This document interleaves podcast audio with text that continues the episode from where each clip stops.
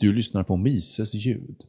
Idag artikeln Totalitär kommunism i Münster. Författare Murray Rothbard.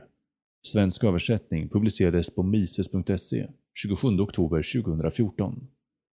Denna artikel, som är den andra av två, är ett utdrag ur Murray Rothbards An Austrian Perspective on the History of Economic Thought, Economic Thought Before Adam Smith.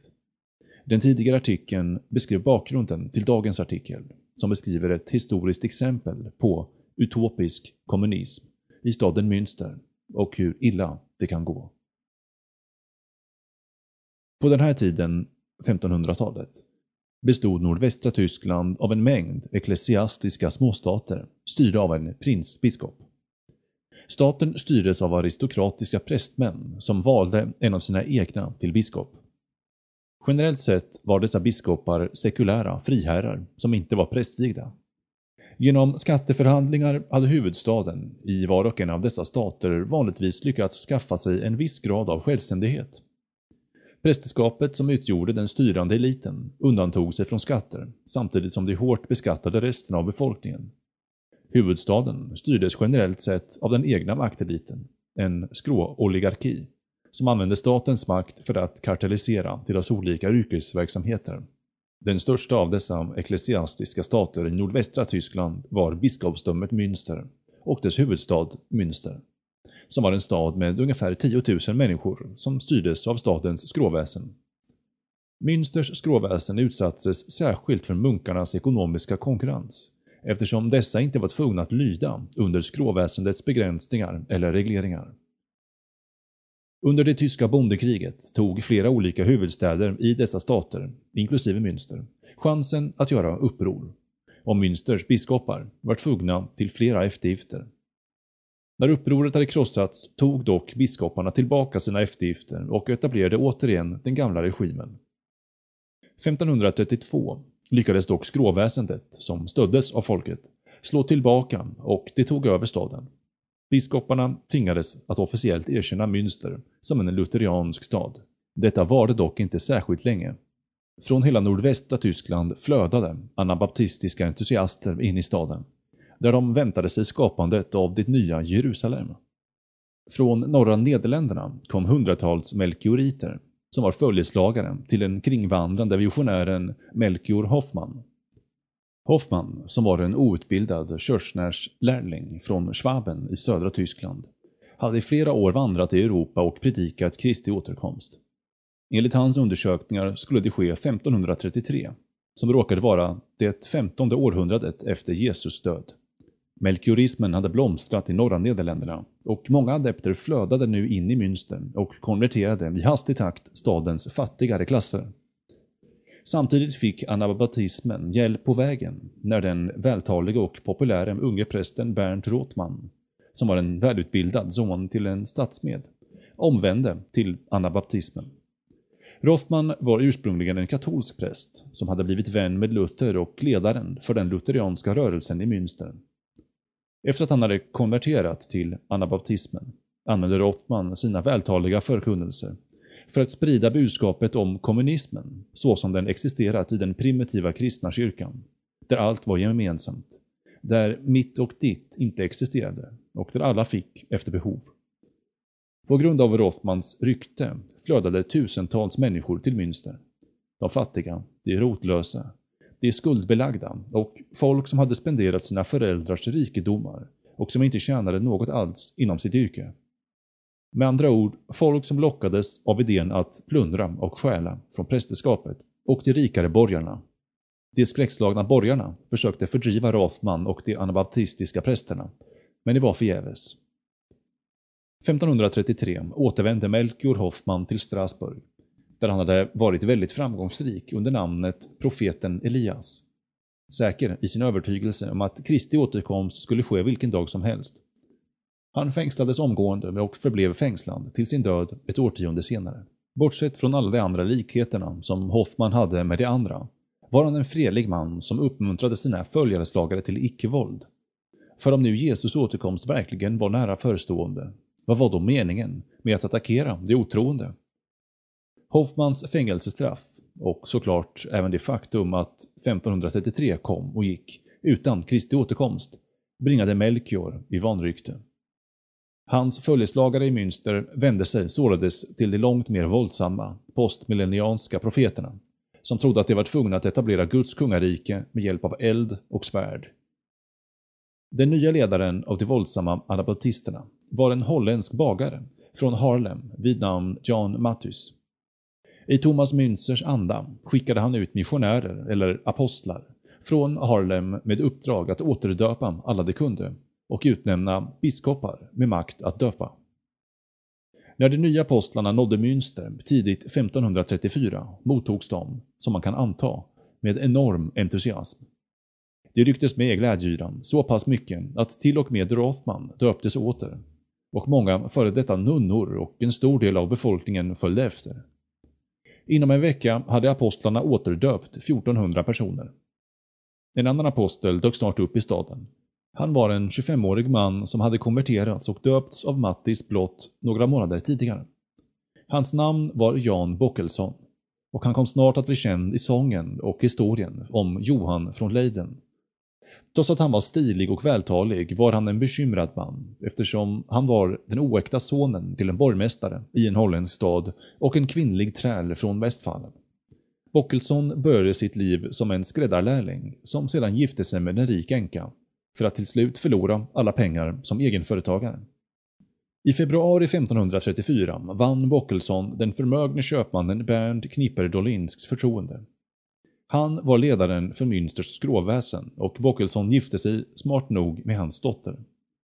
Den 8 februari sprang svärson och svärfar tillsammans genom staden och uppmanade alla att omvända sig.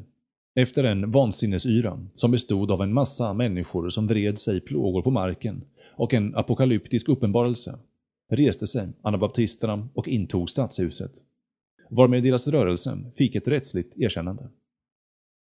Som svar på detta lyckosamma uppror valde många förmögna lutheraner att lämna staden och anabaptisterna, som sprudlade av glädje, skickade ut budbärare till kringliggande områden för att uppmana alla att komma till Münster. De hävdade att resten av världen skulle förstöras inom en månad eller två. Enbart Münster skulle räddas och förvandlas till det nya Jerusalem. Tusentals flödade in från platser så långt bort som Flandern och Friesland i norra Nederländerna. Som ett resultat av detta vann anabaptisterna snart en majoritet i stadsfullmäktige och denna framgång följdes tre dagar senare, den 24 februari, av en stöldorgie där böcker, statyer och tavlor togs från kyrkor och från staden. Det dröjde inte länge förrän Jan Mattis själv anlände. Han var en lång och mager man med ett långt svart skägg. Mattius blev omgående stadens diktator, understödd av Bockelson. de våldsamma anabaptisterna hade äntligen lyckats ta en stad i besittning. Det stora kommunistiska experimentet kunde nu äntligen påbörjas. Den nya rigida teokratins första stora program var, såklart, att rensa Nya Jerusalem från alla de smutsiga och ogudaktiga, som en försmak på deras globala utplåning. Mattis uppmanade således att alla kvarlevande katoliker och lutheraner skulle avrättas men Knipper Dolink lyckades övertala honom om att det var en dålig idé, eftersom masslakten av de andra kristna kunde reta upp resten av världen och få dem att storma staden och stoppa Nya Jerusalem. Det bestämdes därför att det näst bästa skulle genomföras och den 27 februari drevs alla katoliker och lutheraner ut från staden mitt i en hemsk snöstorm i ett dåd som förebådade kommunistiska Kambodja skickades alla icke-anabaptister, inklusive gamla och sjuka människor, bebisar och gravida kvinnor, ut i snöstormen och alla var tvungna att lämna alla pengar, egendomar, mat och kläder i staden. De lutheraner och katoliker som stannade i staden återdöptes omgående. De som vägrade avrättades. Fördrivningen av lutheranerna och katolikerna var dock tillräckligt för biskopen, som påbörjade en belägring av staden nästa dag den 28 februari. Med alla personer inkallade i belägringstjänst startade Jan Mattis sin totalitära kommunistiska samhällsrevolution. Det första steget var att beslagta all egendom som tillhört de fördrivna. Alla deras världsliga saker placerades i centrala lagringsutrymmen och de fattiga uppmanades att ta enligt deras behov. Och behoven uttolkades av sju stycken utnämnda diakoner som valts ut av Mattis. När en smed protesterade att alla dessa åtgärder tvingades på dem av utlänningar från Holland, arresterade Mattis smeden. Han samlade hela stadens befolkning och knivhugg, sköt och dödade den gudslösa smeden. Han fängslade även flera framstående medborgare som protesterade mot detta. Folkansamlingen varnades för att dra nyttan av denna avrättning och de sjöng lydigt en psalm för att hedra den döde. En högst viktig del av den anabaptistiska terrorregimen i Münster avslöjades nu. Precis som de kambodjanska kommunisterna skulle inse 450 år senare, insåg den nya härskareliten att avskaffandet av det privata ägandet av pengar skulle göra befolkningen fullständigt beroende av de som innehade makten. Mattis, Rothman och de andra satte således igång en propagandakampanj som förkastade det privata ägandet av pengar som okristligt. Alla pengar skulle ägas gemensamt, vilket i praktiken innebar att alla pengar skulle ges till Mattis och hans härskargäng. Flera anabaptister som behöll och gömde sina pengar arresterades och hotades tills de kröp på sina bara knän inför Mattis, bad om förlåtelse och att Mattis skulle medla med Gud och deras vägnar. Mattis förlät sedan älskvärt syndarna.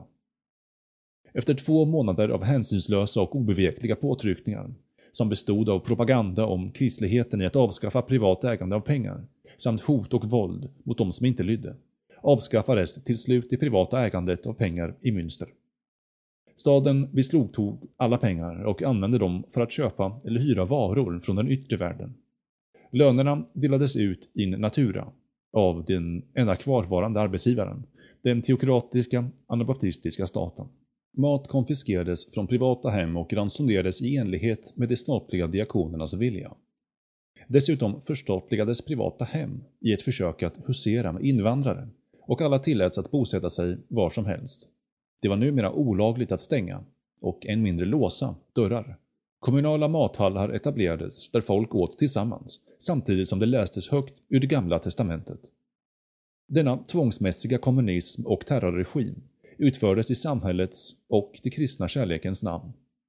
Allt detta förstatligande ansågs vara det första gigantiska steget mot en totalitär, egalitär kommunism, där, i Rothmans ord, alla saker var gemensamma. Det fanns ingen privat egendom och ingen behövde jobba. De behövde enbart lita till Gud. Av någon anledning inträffade såklart aldrig den arbetsfria delen. En pamflett som skickades ut i oktober 1534 till andra anabaptistiska samhällen hyllade den nya ordningen bestående av kristen kärlek genom terror. Citat. Inte nog med att vi har slagit samman alla våra ägodelar till en gemensam egendom som sköts av våra diakoner och att vi lever av den efter våra behov. Vi hyllar Gud genom Kristus med ett hjärta och ett sinne som är angeläget om att hjälpa varandra på alla möjliga sätt. Som en följd av detta är allting som har lett till själviskhet och privat egendom, såsom köpande och säljande, arbete för pengar, ränta eller ätandet och drickandet av de fattigas svett, ja, allt som går emot kärleken. Alla sådana saker har vi avskaffat med kärlekens och samhällets makt.” Slutcitat. Münsters anabaptister gjorde det till en vana att inte låtsas om att de brydde sig om den intellektuella friheten, medan de förstatligade all egendom. Anabaptisterna skröt om sin bristande utbildning och hävdade att det var de olärda och smutsiga som var världens utvalda. Den anabaptistiska mobben njöt särskilt mycket av att bränna alla böcker och manuskript i katedralens bibliotek och till slut, i mitten av mars 1534, förbjöd Matthys alla böcker förutom Bibeln. För att symbolisera brytningen med det syndiga förflutna kastades alla privata och offentligt ägda böcker på ett gigantiskt bokbål. Det enda som detta resulterade i var såklart att den enda teologin eller skrifttolkningen som fanns tillgänglig i Münster tillhörde Matthys och de andra anabaptistiska predikanterna. I slutet av mars fick dock Matthys uppblåsta hybris honom på fall. Runt påsk var han övertygad om att Gud hade gett honom ordern om att han och ett fåtal av hans följeslagare skulle lyfta biskopens belägring och befria staden. Mattis och ett fåtal andra stormade ut ur portarna, rakt i händerna på den belägrande armén, som bokstavligt talat hackade dem i bitar. I en tidsålder då idén om full religiös frihet i princip inte existerade, kan man föreställa sig att den anabaptist som en mer ortodox kristen fick tag på inte behandlades särskilt ömsint. Mattis död lämnade Münster i den unge Bockelsons händer. Och Mattis hade tuktat folket i Münster med hjälp av piskor, tuktade Bockelson dem med skorpioner. Bockelson slösade ingen tid med att sörja sin mentor. Inför det trogna predikerade han att Gud kommer ge er en ny profet som kommer att vara ännu mäktigare. Hur skulle denna unga, entusiastiska profet kunna överträffa sin mästare? Tidigt i maj fick Bockelson stadens uppmärksamhet då han fullständigt galen sprang naken genom staden, för att sedan falla ihop i en tyst extas som varade i tre dagar. Efter detta utropade han Guds nya vilja inför alla stadens invånare. Med Gud vid sin sida avskaffade Bockelson det gamla och funktionella statsrådskontoret och ersatte det med ett nytt råd som bestod av tolv församlingsäldste, där han själv, såklart, var den äldste av åldersmännen. Åldersmännen gav fullständig makt över invånarnas liv och död, samt deras egendom och själ. Ett strikt system av tvångsarbete instiftades, och alla hantverkare som inte hade tvingats till militärtjänstgöring omvandlades till offentliganställda, och de arbetade för samhället utan någon lön. Detta innebar såklart att gillena hade avskaffats. Münsters totalitarism var nu fullständig. I princip hade alla självständiga handlingar, oavsett om de var goda eller inte, bestraffats med döden. Dödsstraffet utropades för brott som mord, stöld, ljugande, girighet och till och med grälande. Alla former av olydnad bestraffades också med döden. Det barn som inte lydde sina föräldrar, de fruar som inte lydde sina män och såklart alla de som inte lydde Guds utvalda jordliga representanter, det vill säga den totalitära regimen i Münster. Bernt Knipper-Dolink utsågs till bödel och anförtroddes uppdraget att se till att straffen utdelades. Den enda livsaspekten som dittills lämnas orörd var sex. Men även detta kom nu att hamna under Bockelsons totalitära despotism. Den enda sexuella relation som tilläts existera var ett giftermål mellan två anabaptister. All annan form av sex, inklusive inom ett giftermål med någon av de gudslösa, bestraffades med döden. Det dröjde dock inte länge förrän Bockelson gick ifrån denna gammaldags uppfattning och bestämde sig för att instifta tvångsmässig polygami i Münster. Eftersom många av de som kastats ut i Münster hade lämnat sina fruar eller döttrar hade staden nu tre gånger så många giftermålsvärdiga kvinnor som män, vilket innebar att polygami nu var tekniskt möjligt. Bakelson omvände de andra, mycket förvånade prästerna genom att visa att polygami bland Israels patriarker samt givetvis genom att hota döda alla som inte höll med honom. Tvångsmässig polygami var dock lite för mycket för vissa Münsterbor, som gjorde uppror. Upproret nedslogs dock omgående och de flesta av rebellerna avrättades. Avrättning blev också alla andra oliktänkares öde. Så kom det sig att polygami runt augusti 1534 hade tvångsinstiftats i Münster. Precis som man hade kunnat gissa uppskattade Bockelson denna nya regim väldigt mycket. Och det dröjde inte länge förrän han hade ett harem bestående av 15 fruar. Däribland Divara, som var Jan Mattis vackra änka. Det visade sig även att resten av den manliga befolkningen uppskattade denna nya lag. De flesta kvinnor gillade det dock inte, så åldersmännen instiftade en lag som beordrade alla kvinnor under, och gissningsvis även över, en viss ålder att gifta sig vilket vanligtvis innebar att det blev en tredje eller fjärde fru. Eftersom alla giftermål med de gudslösa inte bara ansågs vara ogiltiga utan även olagliga, blev de utkastades fruar allmän egendom och de tvingades att gifta sig med goda anabaptister. Om de vägrade straffades de, såklart med döden, och en mängd kvinnor avrättades som ett resultat av detta. De gamla fruarna, som ogillade att nya fruar flyttade in i deras hushåll, tystades och deras klagande straffades återigen med döden. Många kvinnor avrättades även av denna orsak. Statens långa arm kunde dock inte åstadkomma vad som helst och i deras första interna bakslag tvingades Bockelsson och hans män ge efter och tillåta skilsmässor. Faktum var att själva giftermålsceremonin i sig förbjöds och det gjordes väldigt enkelt att skilja sig. Resultatet av detta var att Münster nu blev en regim av tvångsmässig fri kärlek. Med andra ord hade den tidigare så rigida puritanismen inom loppet av några få månader förvandlats till en regim av tvångsmässig promiskuitet. Samtidigt visade sig Bockelsson vara fantastisk på att organisera den belägrade staden. Tvångsarbetare, både militärt och civilt, upprätthålls strikt. Biskopens armé bestod av dåligt och oregelbundet betalda legoknektar och Bockelsson lyckades förmå många av dem att hoppa av genom att erbjuda dem en stadig lön, det vill säga penninglöner, till skillnad från Bockelsons interna penninglösa kommunism. Före detta legoknektare som var fulla sköts på fläcken. När biskopen skickade in pamfletter i staden där han utlovade en allmän benådning om folk gav upp, gjorde Bockelson givetvis läsandet av sådana pamfletter straffbart med döden. I slutet av augusti 1534 var det en väldig oreda bland biskopens trupper och belägringen hävdes temporärt. Jan Bockelsson använde denna öppning för att ta sin egalitära kommunistiska revolution ett steg längre. Han utropade sig till konung och undergångens Messias. Att utropa sig själv till konung hade kanske inte mottagits så bra och det hade kanske till och med inte ansetts vara legitimt. Så, Bockelsson fick en viss Dusenschur, som var guldsmed i en närliggande stad, och en självutnämnd profet att göra jobbet åt honom. I början av september utropade Dusenschur den nya uppenbarelsen.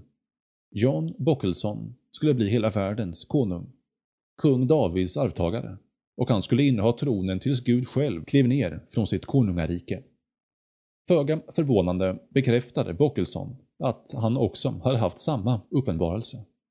Dusenschur gav sedan Bockelson ett rättvisans svärd, välsignade honom och utropade honom till världens konung. Wockelson var givetvis ödmjuk till en början. Han kastade sig till marken och ropade efter Guds råd. Han såg dock till att han hastigt fick detta råd och mirakulöst nog visade sig att Dusenschur hade haft rätt. Inför folksamlingen utropade Bockelson att Gud nu givit honom makten över alla världens nationer. Alla som vågade sig sätta emot Guds vilja skulle omedelbart avrättas. Trots några få tysta protester utropades alltså John Bockelson till världens konung och Messias och de anabaptistiska predikanterna i Münster förklarade för sina förvirrade följeslagare att det stämde och att Bockelson faktiskt var den Messias som det gamla testamentet hade utlovat. Bockelson var den rättrådige ledaren av både den världsliga och den andliga världen. En intressant sak som ofta händer med dessa egalitärer är att ett kryphål skapas, en sorts nödutgång från den gråa vardagens verklighet, fast givetvis bara för dem själva. Så även med kung Wokelson. Det var såklart viktigt att betona vikten av Messias ankomst, så Bockelsson bar enbart de allra finaste kläderna, metallerna och smyckena. Han utnämnde hovfolk och ett hovgarde, som också utsmyckades med det allra finaste. Kung Bockelssons första fru, Diviara, utropades till hela världens drottning och hon utsmyckades också i det allra finaste och hade ett följe av hovfolk och följeslagare. Detta lyxfölje, som bestod av cirka 200 personer, bodde i de allra finaste herrgårdarna som hade beslagtagits för att ära den speciella händelsen. En tron draperades med ett tyg av guld och sattes upp mitt på stadens torg. Kung Bockelsson skulle hålla hov där, iklädd en krona och bärandes en spira. En kunglig livvakt skyddade hela spektaklet. Alla som var lojala och hjälpte Bockelson belönades med hög status och dyrbarheter. Knipper Dolink var överstepräst och Rothman kunglig orator. Om kommunism nu verkligen är det perfekta samhället måste ju i alla fall någon kunna njuta av dess frukter. Och vem bättre än Messias och hans hov? Även om privat ägande av pengar hade avskaffats användes allt beslagtaget guld och silver för att skapa prydnadsmynt i den nya kungens ära. Alla hästar beslagtogs för att bidra till kungens armé. Till och med namnen i Münster förändrades. Alla gator döptes om. Söndagar och helgdagar avskaffades. Alla nyfödda barn döptes personligen av kungen i enlighet med ett särskilt mönster. I ett svältande slavsamhälle som kommunistiska Münster kan inte alla leva i samma lyx som kungen och hans hov. Faktum var att den nya härskareliten skapade en rigid klassoligarki av ett sällan skådant slag. För att göra det möjligt för kungen och hans adel att leva i extrem lyx tvingades resten av befolkningen till rigorösa åtstramningar. Den underkastade befolkningen hade redan bestulits på sina hus och mycket av sin mat. Nu förbjöds även all överflödig lyx bland folkmassorna. Kläder och sovplatser ransonerades kraftigt och allt överflöd var tvunget att ges till kung Wockelsson under dödshot. Alla hus söktes igenom och 83 vagnlaster med överflödskläder samlades in. Det är knappast förvånande att de lurade massorna i Münster började gnälla åt sin påtvingade fattigdom medan kungen och hans hov levde i extrem lyx av de beslagtagna ägodelarna. Bakelson var därför tvungen att ta till propaganda för att förklara det nya systemet. Förklaringen var denna. Det var helt okej okay för Bockelsson att leva i lyx eftersom han redan var helt och hållet död för den världsliga världen. Eftersom han redan var död spelade hans lyx egentligen inte någon roll, på samma sätt som alla gurus som hade levt i extrem lyx bland lättlurade följeslagare förklarade han för dem att de materiella objekten inte hade något värde för honom. Hur en sådan logik någonsin kan lura någon är fullkomligt oförklarligt.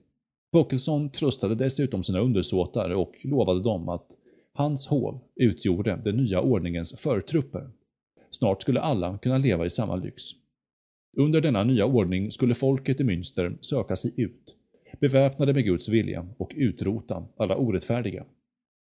Efter detta skulle Jesus återuppstå och alla skulle leva i lyx och perfektion. Jämlik kommunism med fantastisk lyx, för alla, skulle då uppnås. Större motsättningar innebär såklart också mer terror och kung Bockelsons kärleksstyre intensifierade sina hot och sin masslakt. Så snart han utropat den nya monarkin utropade profeten Dusenschur att han hade haft en ny uppenbarelse. Alla som inte höll med eller som inte lydde kung Bockelson skulle avrättas och alla minnen av dem skulle utplånas helt. De skulle utplånas för all framtid. Vissa av de huvudsakliga avrättningsoffren var kvinnor som avrättades för att de vägrade ha sex med sina män, för att ha förolämpat en predikant eller för att ha vågat utöva bigami, som givetvis enbart var en manlig rättighet. Trots en konstant predikan om att ge sig ut för att erövra världen var kung Bockelsson inte dum nog att faktiskt försöka sig på detta. Särskilt eftersom biskopens armé nu återigen hade belägrat staden. Han använde sig istället slukt nog av mycket av det beslagtagna guldet och silvret för att bekosta apostlar och pamfletter som han skickade till andra områden i Europa i ett försök att ägga massorna till stöd för anabaptistiska revolutionen. Propagandan hade en avsevärd effekt och uppror inträffade i Holland och i nordvästra Tyskland under januari 1535. Tusentals beväpnade anabaptister följde en ledare som kallade sig själv Kristus, Guds son. Anabaptistiska uppror utspelade sig även i staden Minden i västra Friesland, samt i Amsterdam, där rebellerna lyckades inta stadshuset. Alla dessa uppror undertrycktes till slut, till stor del på grund av att vissa förrådde upproret och avslöjade rebellernas namn, samt var de gömde sin ammunition och sina vapen. Prinsarna i nordvästra Europa hade till slut fått nog.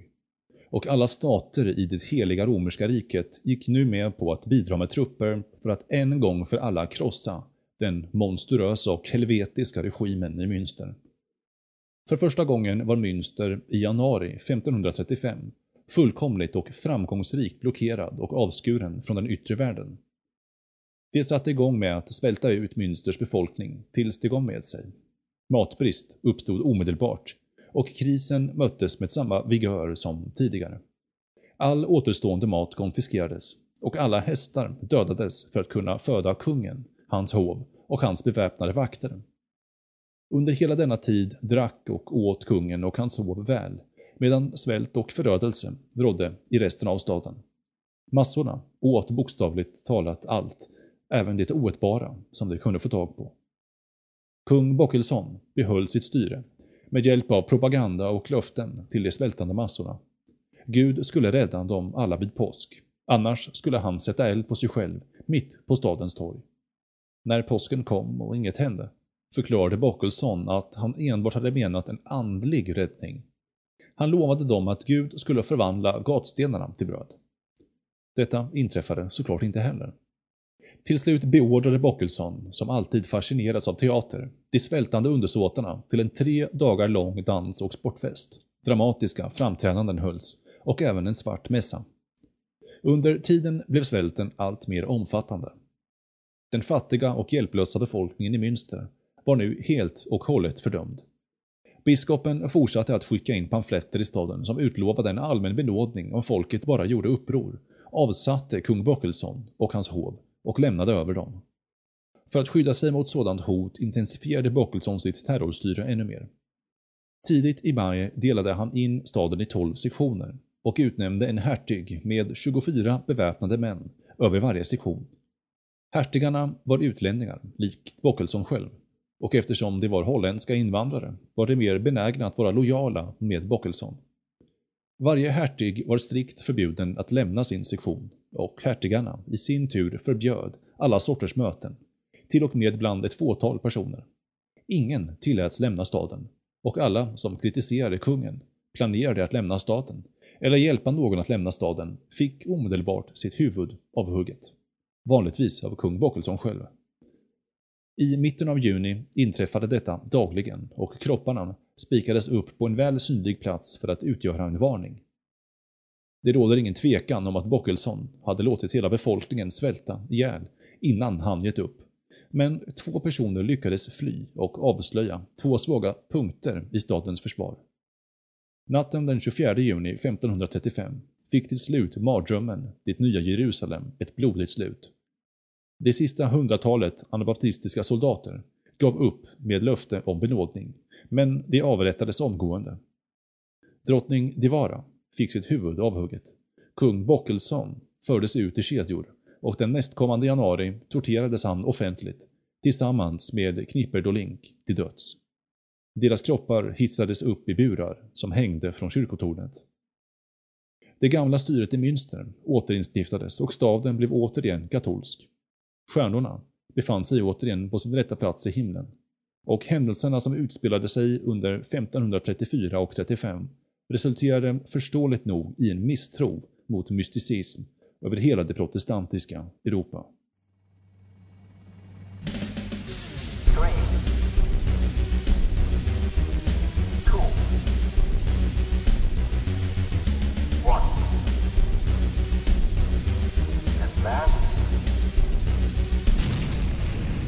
your trusted politician.